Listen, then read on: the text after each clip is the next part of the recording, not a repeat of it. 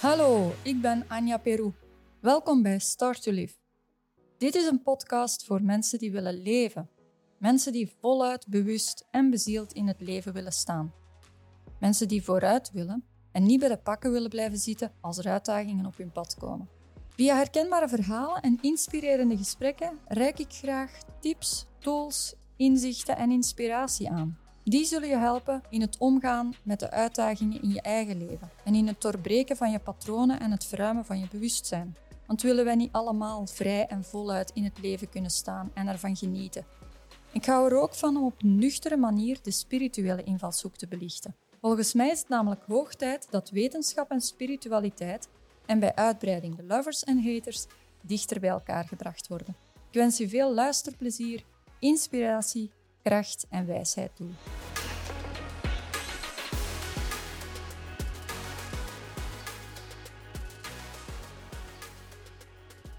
Hallo, welkom in aflevering 1 van de Start to Live podcast. In deze eerste aflevering wil ik over mezelf vertellen, mijn, mijn eigen verhaal meegeven en vertellen waarom dat ik doe wat ik doe. En waarom vertel ik over mezelf? Vind ik mezelf dan zo interessant? Uh, nee, in tegendeel. Ik heb zelfs een allergie aan mensen die zichzelf geweldig interessant vinden, eerlijk gezegd. Dus ik moet mezelf daar ook toe aanzetten. En ik heb geleerd dat het uh, net heel fijn is voor mensen om het eigen verhaal te delen. En dan moet ik ook zelf terugdenken aan een herinnering uit mijn twintiger jaren. In mijn vroege twintiger jaren um, had ik een heel zwaar complex. Een, een complex op mijn billen. En ik heb toen een uh, liposculptuur laten doen. Omdat het complex zo zwaar was dat ik echt met uh, minderwaardigheidscomplex zat op mijn, mijn uiterlijk, op die plek van mijn lichaam, ben ik uiteindelijk na veel onderzoek en na raadpleging bij de dokter tot een liposculptuur overgegaan. En nadat die liposculptuur gedaan was, dan zagen mensen dat er iets veranderd was aan mijn lichaam, natuurlijk. En dan kreeg ik daar opmerkingen over van, amai, um, je bent vermagerd precies op die plek, hè? of um, wat is er gebeurd? En dan was ik daar heel eerlijk over. Dan zei ik van, ah, ik heb uh, een laten doen. En pas dan kwamen de tongen los. In de zin van, pas dan waren er mensen die ineens ook vertelden over hun eigen complex, over een eigen operatie die, die ze hadden laten doen, over een eigen uh, plastische ingreep die ze hadden laten doen omdat ze een zwaar complex hadden. En um, ik weet nog dat ik daar eigenlijk een beetje gefrustreerd van werd. Omdat ik op dat moment dacht van, ja, waarom praat je daar niet over voordien? Waarom komen die tongen pas los nadat ik daar zelf over begin en nadat ik zelf eerlijk over mijn, over mijn liposcultuur begin? Waarom had, u, had ik dit niet, waarom wist ik dit niet voordat ik tot die beslissing van die operatie uh, moest komen? Want ik kon dat wel gebruiken van daar gesprekken over te hebben vooraleer dat ik die beslissing nam. Nu heb ik die beslissing, dus toen heb ik die beslissing genomen op basis van mijn vertrouwen in die dokter, waar, waar ik wel serieus wat vooronderzoek had opgedaan. Maar het had mij ook wel geholpen om gewoon ervaringen van mensen zelf ook wel te horen en, en ja, hun eigen verhaal erin te horen. En dat brengt mij nu op dat ik vandaag de dag ook zie in wat ik doe, dat is nu meer dan tien jaar ondertussen, in mijn werk, heb ik de overtuiging van, kijk, als ik mensen wil aanmoedigen naar open en eerlijk praten over wat dat er in hun binnenwereld speelt, dan moet ik daar zelf mijn eigen voorbeeld in geven. En dan moet ik dat zelf ook laten zien wat dat, dat betekent. Dan mag ik niet mijn eigen potje dicht houden, want dan ben ik eerder um, bezig vanuit een ivoren toren te spreken en mensen uh, kennis mee te geven, maar zonder daarin het, zelf het voorbeeld te geven. Dat is hoe dat ik er naar kijk, dat is hoe dat ik in die wereld sta, zonder daarmee te pretenderen dat ik de waarheid in pacht heb. Dus als ik mijn verhaal vertel of als ik verhalen over mezelf of, of van anderen ook deel, dan is dat om mensen daarmee te inspireren, om mensen daarmee vanuit de echte levenservaringen, vanuit met de voeten in de grond te staan en met de voeten in, in het veld te staan, vanuit die insteek andere mensen te kunnen ja, helpen. Het is echt vanuit de insteek van via mijn verhaal, via mijn eigen verhaal te delen of via verhalen van anderen te delen, andere mensen te kunnen helpen naar in hun eigen zoektocht, naar eigen stappen nemen, naar eigen keuzes die ze te maken hebben, waarin dat ze zoekende zijn. Net zoals ik destijds met die liposcultuur had het mij geholpen als er daar mensen open en eerlijk hun eigen verhalen durven delen. En dat zijn geen keuzes, uh, dat is niet zo van welke onderbroek ga ik vandaag aan doen, maar dat zijn echt wel belangrijke keuzes in een mens leven. En dan helpt het om andere verhalen ook te kennen of andere ervaringen ook te kennen. En waarom gebeurt dat, hè, dat mensen niet praten? Waarom dat mensen niet open en eerlijk praten over waar dat ze mee zitten? Eén, ze hebben het niet geleerd. Onze vorige generaties hebben dat nu niet echt geleerd van hun voorouders, hè, van, van hun voorbeelden. Dus dat kunnen we de voorouders ook niet kwalijk nemen. We hebben het niet geleerd. En anderzijds is er ook zo het oordeel dat er hangt. Het oordeel dat in onze wereld hangt. Hè. Mensen die al snel een oordeel hebben als iemand iets vertelt over zichzelf. Net zoals mijn verhaal met mijn liposcultuur.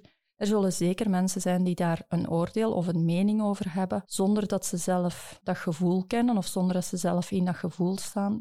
En dat is helemaal oké. En vele mensen trekken zich ook het oordeel van die anderen aan. En dat is iets dat, waar dat ik mijzelf ook echt in aanmoedig om mij daarvan los te maken en echt oog te hebben of te denken aan de mensen waar je het wel voor doet, de mensen die je helpt. Als ik al een tijdje bezig was uh, in mijn stiefmoedercoaching verhaal, dan had ik filmpjes die ik maakte met vragen aan Anja. En ik kreeg regelmatig vragen binnen. Ik kreeg vele vragen binnen van mensen die in samengestelde gezinnen zaten, die, die dus een vraag stuurden naar mij en waarin dat ik het in een kort filmpje het antwoord opnam. Dat was voor mezelf echt um, een uitdaging om mijzelf echt in beeld te zetten. Dat is...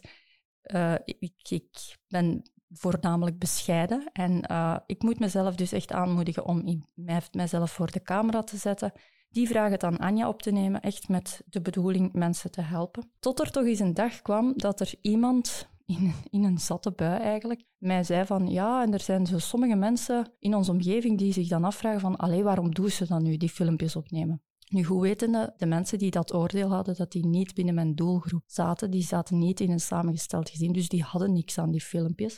En dat had zo'n impact op mij dat ik op dat moment daar een tijdje mee gestopt ben omdat ik dus zo gepakt was door het oordeel van anderen. En ik was vergeten dat er een heel ander publiek was, dat er veel meer mensen waren die daar iets aan hadden. En dat is wat je in gedachten moet houden, ook voor jezelf. Ik vertel dit niet zomaar. Jij hebt zelf ook een verhaal. Jij die nu luistert, iedereen heeft zelf ook een verhaal. En heeft zelf ook keuzes gemaakt in het leven. En heeft zelf ook stappen die gezet in het leven. En de verhalen die je kan delen met iemand anders, als je in gesprek bent met iemand en je voelt dat je iets wil vertellen of dat er, dat er iets belangrijks is dat je in een gesprek wil inbrengen, doe dat.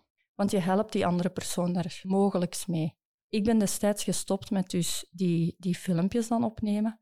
Tot een bepaald moment dat ik opgebeld werd om een lezing te gaan geven op een groot event. En ik vroeg daar van, hoe zijn jullie bij mij terechtgekomen? Waarom stellen jullie mij deze vraag om die lezing te komen geven?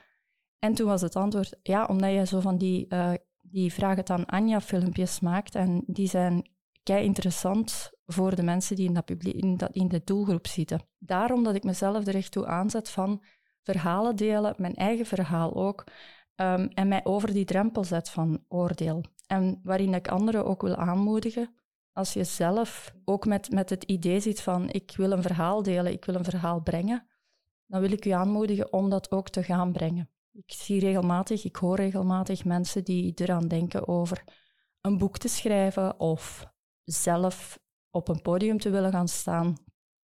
Dan wil ik u aanmoedigen, doe dat, want er zijn sowieso mensen die jij helpt. Als het idee bij u zit, dan moet je dat gaan doen.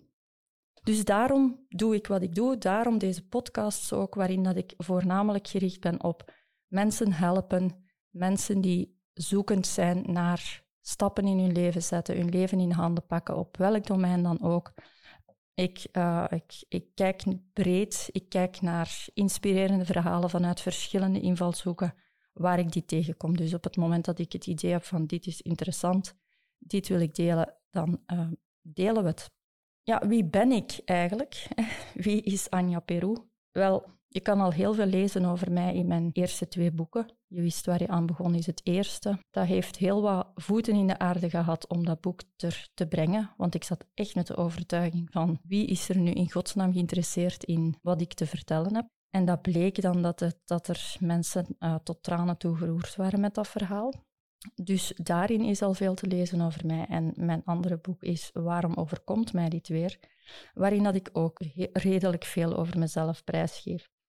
Ja, wie ben ik? Ik ben de oudste van vier kinderen, opgegroeid in een klein dorp. Ik heb drie jongere broers, waar dat uh, elke keer drie jaar tussen zit. Dus drie, zes en negen jaar jonger dan mij. En dat maakte dat ik al behoorlijk jong een moedertje was. Dat ik uh, heel fel ging zorgen voor de jongens. Ik was hun, ik was hun tweede moedertje. En ik had ook uh, de rol van de oudste van het gezin de rol van de oudste van het gezin is dikwijls gebeurt dat wel zo, um, zeker bij meisjes die de oudste zijn. Dat is dat je dan uh, de verantwoordelijkheidszin mee hebt, dat je het voorbeeld moet zijn voor de anderen, dat je, uh, ja, je moet eigenlijk de weg openen voor anderen, zo noemt dat. Je moet, uh, je moet de eerste keer uitgaan en uh, de regels rond uitgaan en dergelijke, daar moet je voor zorgen dat, of, of zo beleefde, beleefde ik dat toch, je moet ervoor zorgen dat diegenen die na je komen, dat die evenveel gaan mogen, hè, dat, je, dat je verantwoordelijkheidszin hebt en dat je laat zien dat je, dat je dat wel kunt en dat je dat wel waard bent om, om te mogen op stap gaan tot een bepaald uur. Flink zijn, niet flauw doen, dat hoort daar ook bij. Als je met jongens opgroeit, dan is flauw doen uh, niet aan de orde. En uh, ik was ook een verhalenverteller. Ra, ra, ra. een verhalenverteller.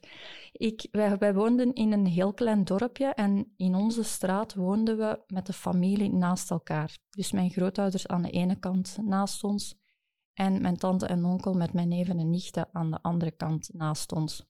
En dat maakte dat we dus met de hele familie eigenlijk, ja, dat was heel gezellig wel, heel fijn om echt met uw familie rond u op te groeien. En dat geeft dan met die neven en nichten ja, net een iets andere band dan met andere neven en nichten die verder woonden. Dat was eerder een broer-zus verhouding zo. Dus dat, dat, zat dichterbij, waardoor dat er ook um, ja, de haat-liefde verhouding er ook was. Er werd meer mee gevochten, maar evenzeer uh, was het ook altijd samen samen uit, samen thuis eigenlijk.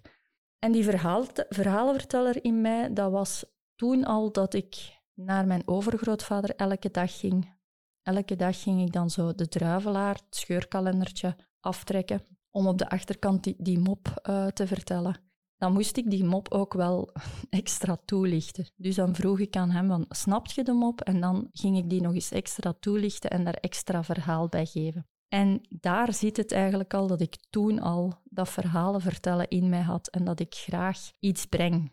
En waarom vertel ik deze? Bij alles wat ik vertel zou ik u echt uitnodigen om voor uzelf zo ook uzelf eens terug te brengen naar uw kindertijd. Waarom vertel ik dit?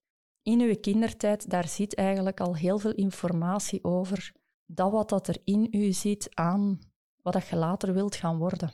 En kijk dan nu in het beroep waar je zit, zit dat erin. Hè? Kijk eens even of, dat, of dat je dat daarin kunt terugvinden. Of dat je je eigen kindse kunt terugvinden in het beroep dat je nu aan het doen bent. En als je daar zeer ver van weg bent en je voelt echt niks energie in je beroep, ja, dan is het misschien goed om daar eens een keer gewoon op stil te staan, om eens terug te blikken naar je kindertijd. En als ik terugdenk aan mijn kindertijd, op school was ik een underperformer. Een ander performer, wat betekent dat? Ik ging mijn punten bewust naar beneden halen, omdat ik niet gepest wilde worden. Ik was namelijk de enige in de klas die nog nooit blijven zitten had. Ik studeerde heel makkelijk. Ik was niet hoogbegaafd, maar leerbegaafd blijkbaar.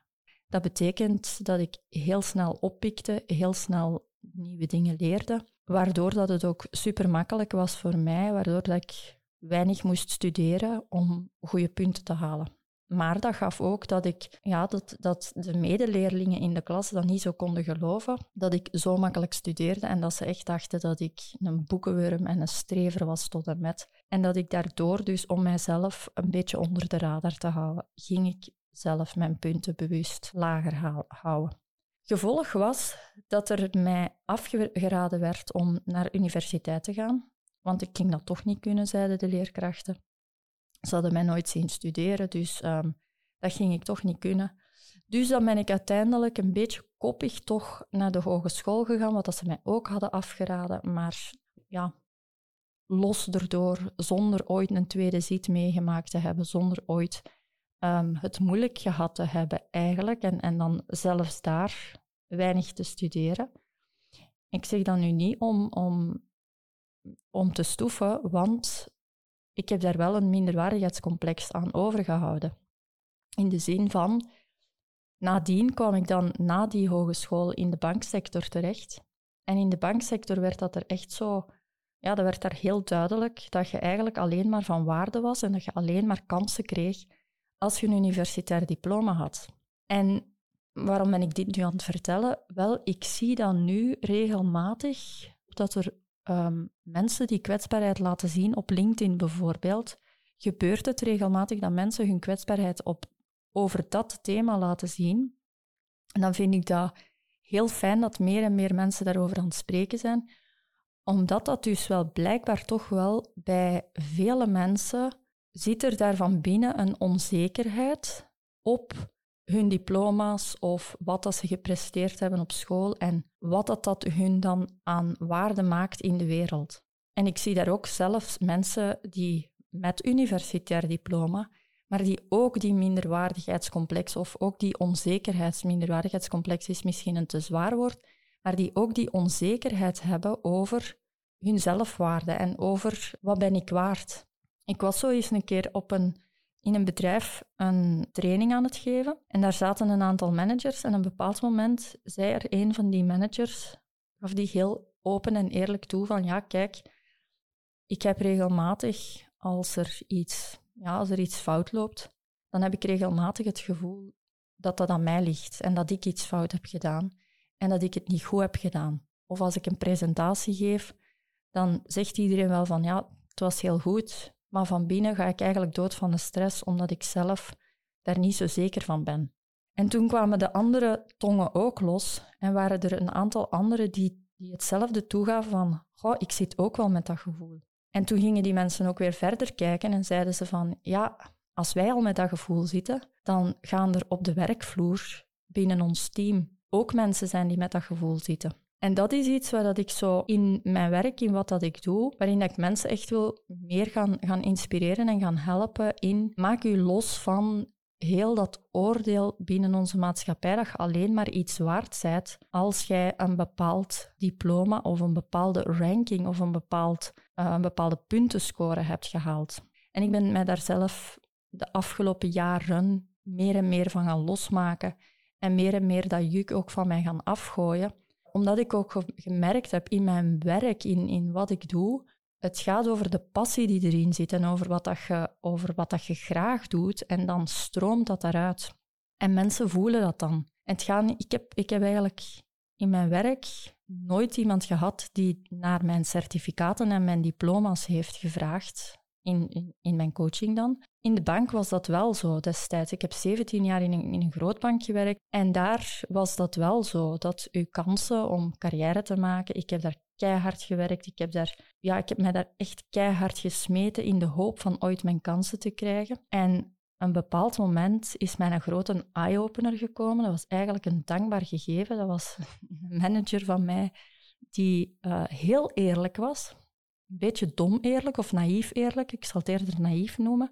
Maar wel heel dankbaar voor mij, want daar kwam informatie naar mij toe die mij echt mijn ogen heeft geopend. Die man die vertelde mij, hij zegt, ja Anja, ik heb ehm, met de directie gepraat om u promotie te geven, want ik vind, met het werk dat jij doet, vind ik dat jij ehm, het verdient om promotie te maken. Maar ze hebben mij geantwoord, ehm, ja, ze hebben mij eigenlijk teruggefloten en ze hebben mij geantwoord, ja, je moet die Anja niet slimmer maken dan dat ze is, Dat is een boerenpaard die hard werkt, dus wij willen die op die plek houden en je moet die niet wijzer maken. Dat maakte voor mij wel dat ik ineens zag van, ah ja, oké, dit is mijn plek hier en better than this gaat het niet worden. Waardoor dat ik op dat moment, ja, dat heeft wel gemaakt dat ik een beetje afgegleden ben en een echte zwartkijker gaan ben beginnen worden, omdat ik mij voelde vastzitten.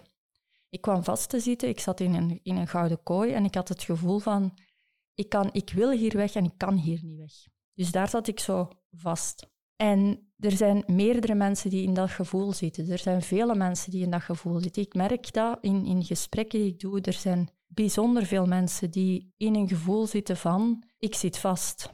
Ik voel me niet gelukkig, niet optimaal gelukkig in mijn job. Ik ben maar um, in een rat race mee en ik ben niet meer gelukkig en ik zit vast. De energie die zakt helemaal uit uw lijf weg. En ik weet wat dat, dat is. Ik heb daar ook gestaan.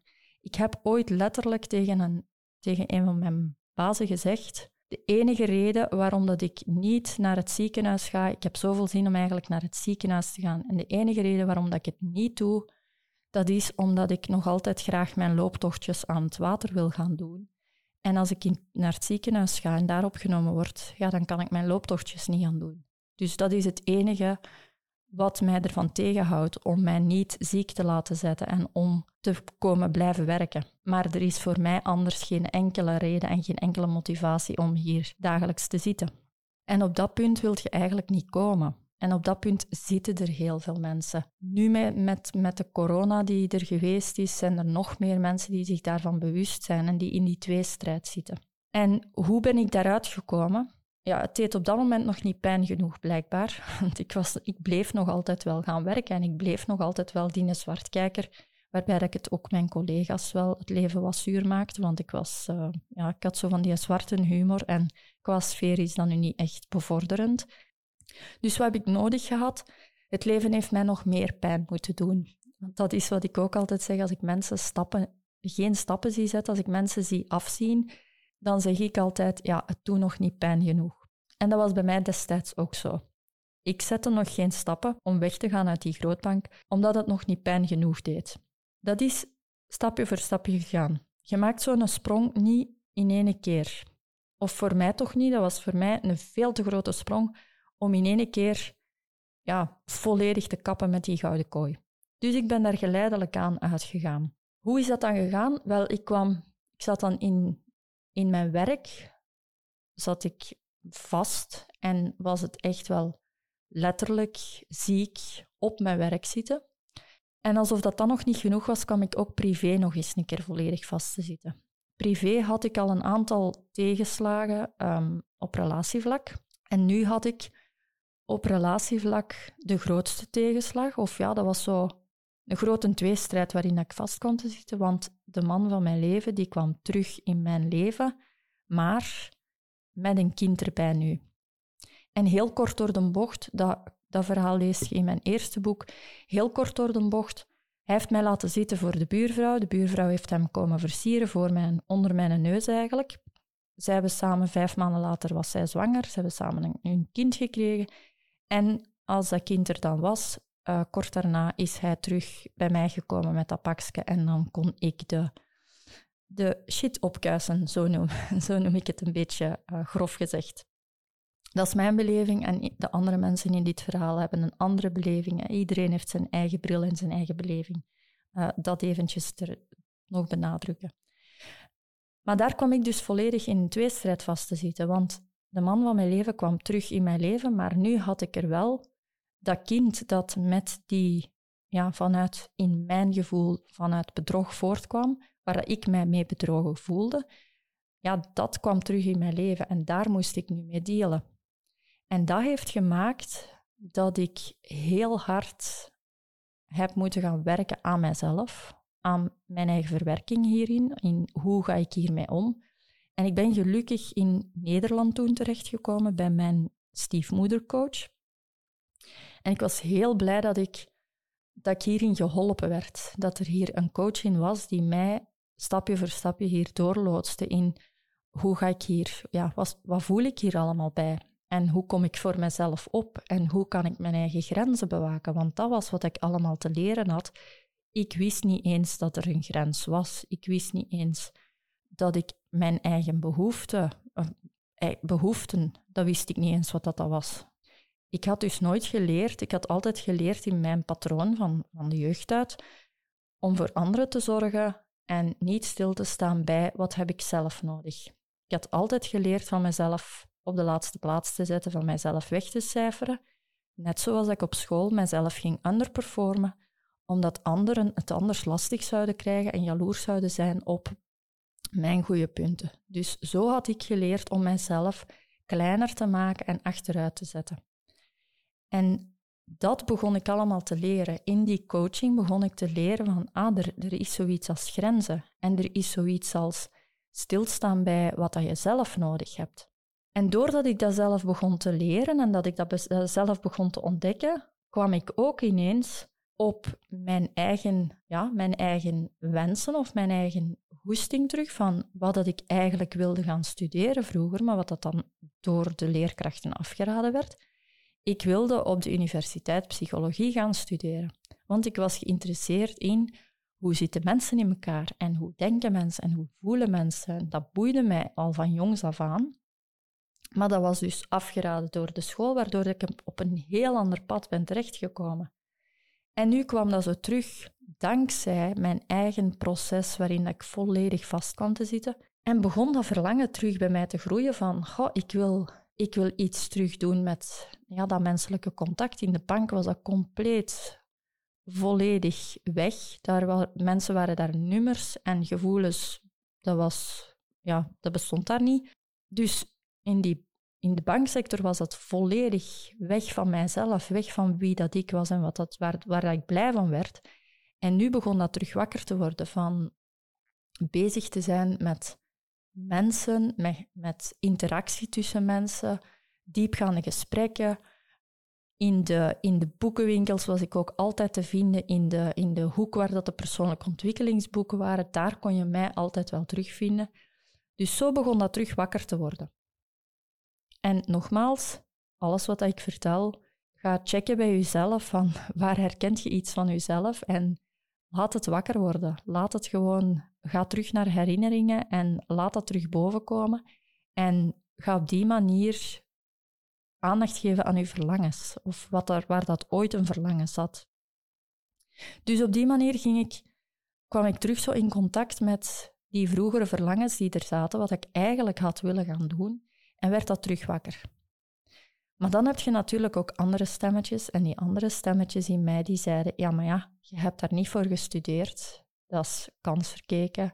Die een trein is voorbij. Dat is niks meer voor u. Je bent nu te oud om terug naar school te gaan en terug te gaan studeren. Ik was op dat moment, uh, hoeveel was ik ongeveer? Eerste helft uh, in de dertig. Ik was richting, richting 35 aan het gaan. Dus dan komen die stemmetjes van, ja, je kunt toch moeilijk terug naar de school gaan. Je kunt toch moeilijk terug uh, opnieuw beginnen. Dat gaat allemaal niet. Dus uh, die trein is voorbij, kans verkeken voor u. Die stemmetjes kwamen terug op. Maar het verlangen bleef er wel zitten. En dan op een dag las ik een artikeltje in, in, een, of ander, in een of ander dagbladje, in een of ander magazineke. Las ik een artikel van een vrouw die waar ik helemaal herkenning bij voelde. Die een carrière had afgelegd en waarbij dat het bedrijf failliet gegaan was enzovoort. En die vrouw die was op latere leeftijd dan een opleiding tot, in, tot coach gaan volgen. En die was dus ja, helemaal gelukkig in wat dat ze deed. En ik, ik las dat en ik werd er eigenlijk instant, wist ik van, dit, dit wil ik gaan doen.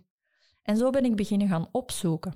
En dan ga je dingen opzoeken en dan komen natuurlijk die volgende drempels. En zo komen er altijd opnieuw wel drempeltjes.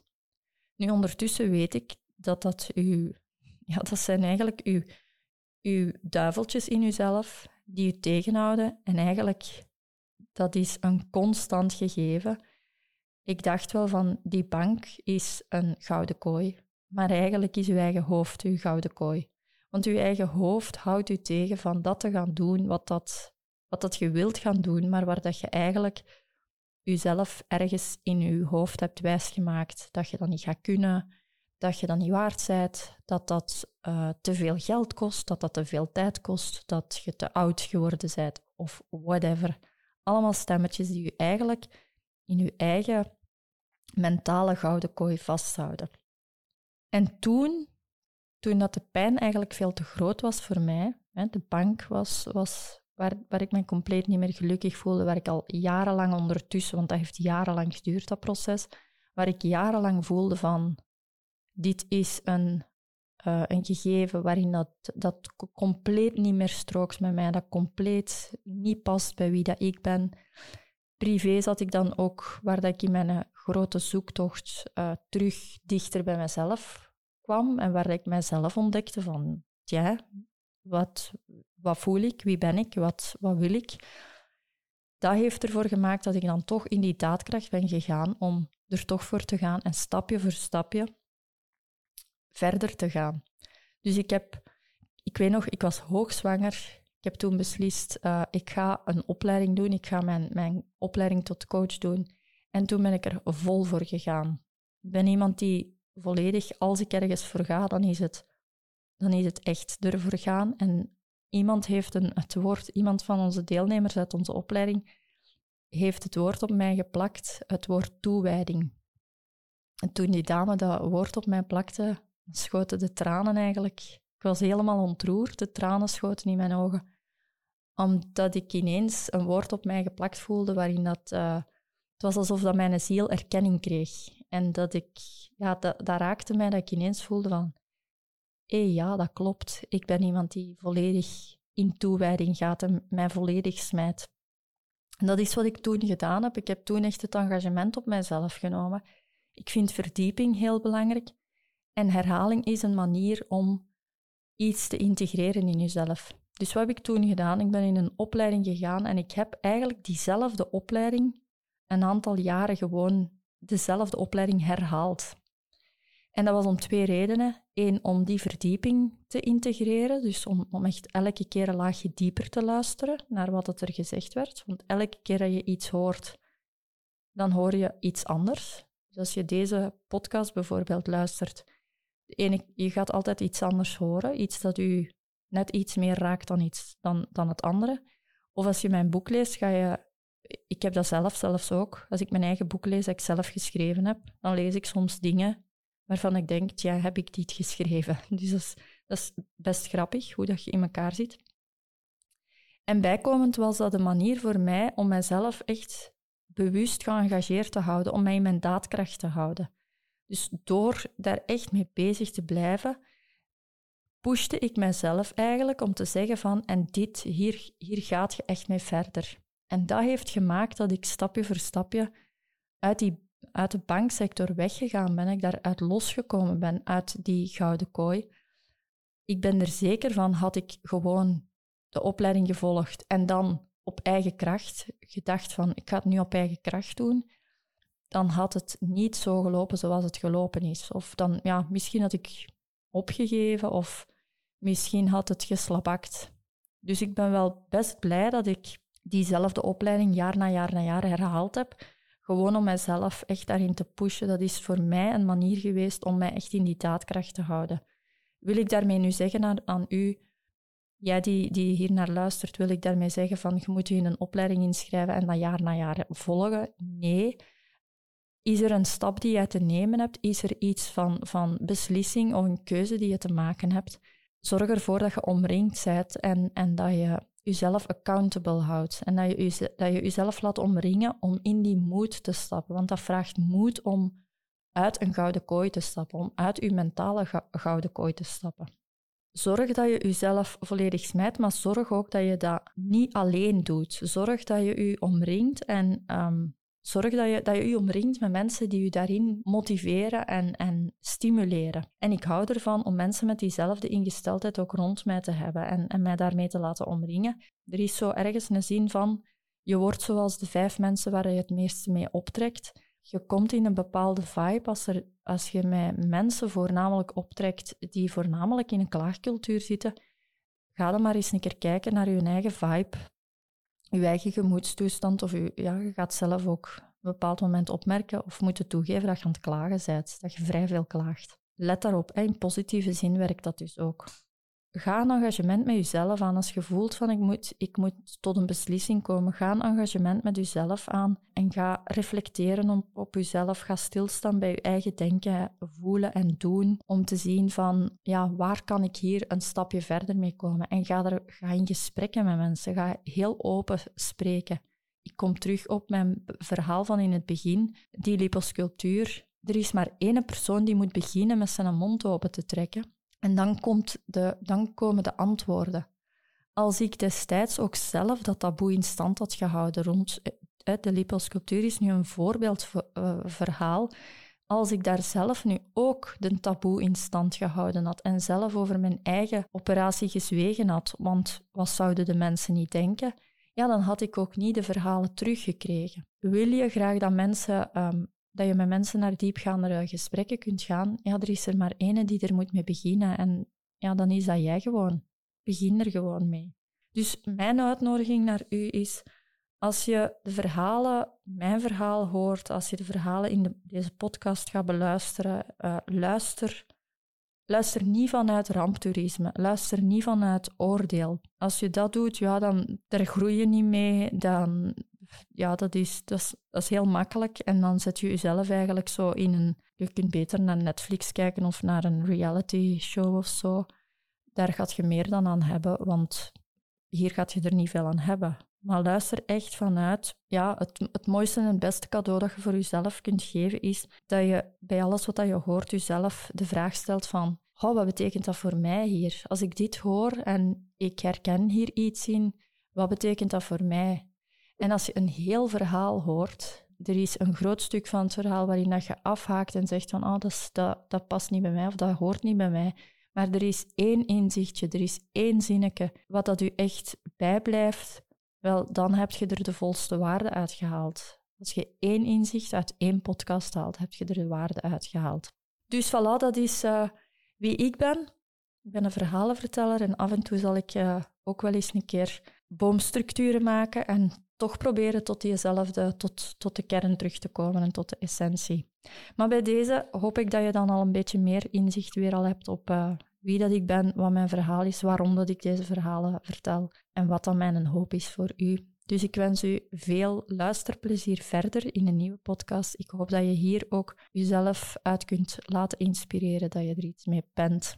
En veel succes bij je eigen stappen in je eigen leven. Dag. Wil je graag meer inspiratie? Surf dan naar apluscoaching.be of volg ons op Instagram en Facebook. Hou je vooral niet in om zelf ook anderen te inspireren. Dat kan je onder andere doen door deze podcast te delen of erover te praten. Dank je wel in elk geval om te luisteren en je te laten inspireren.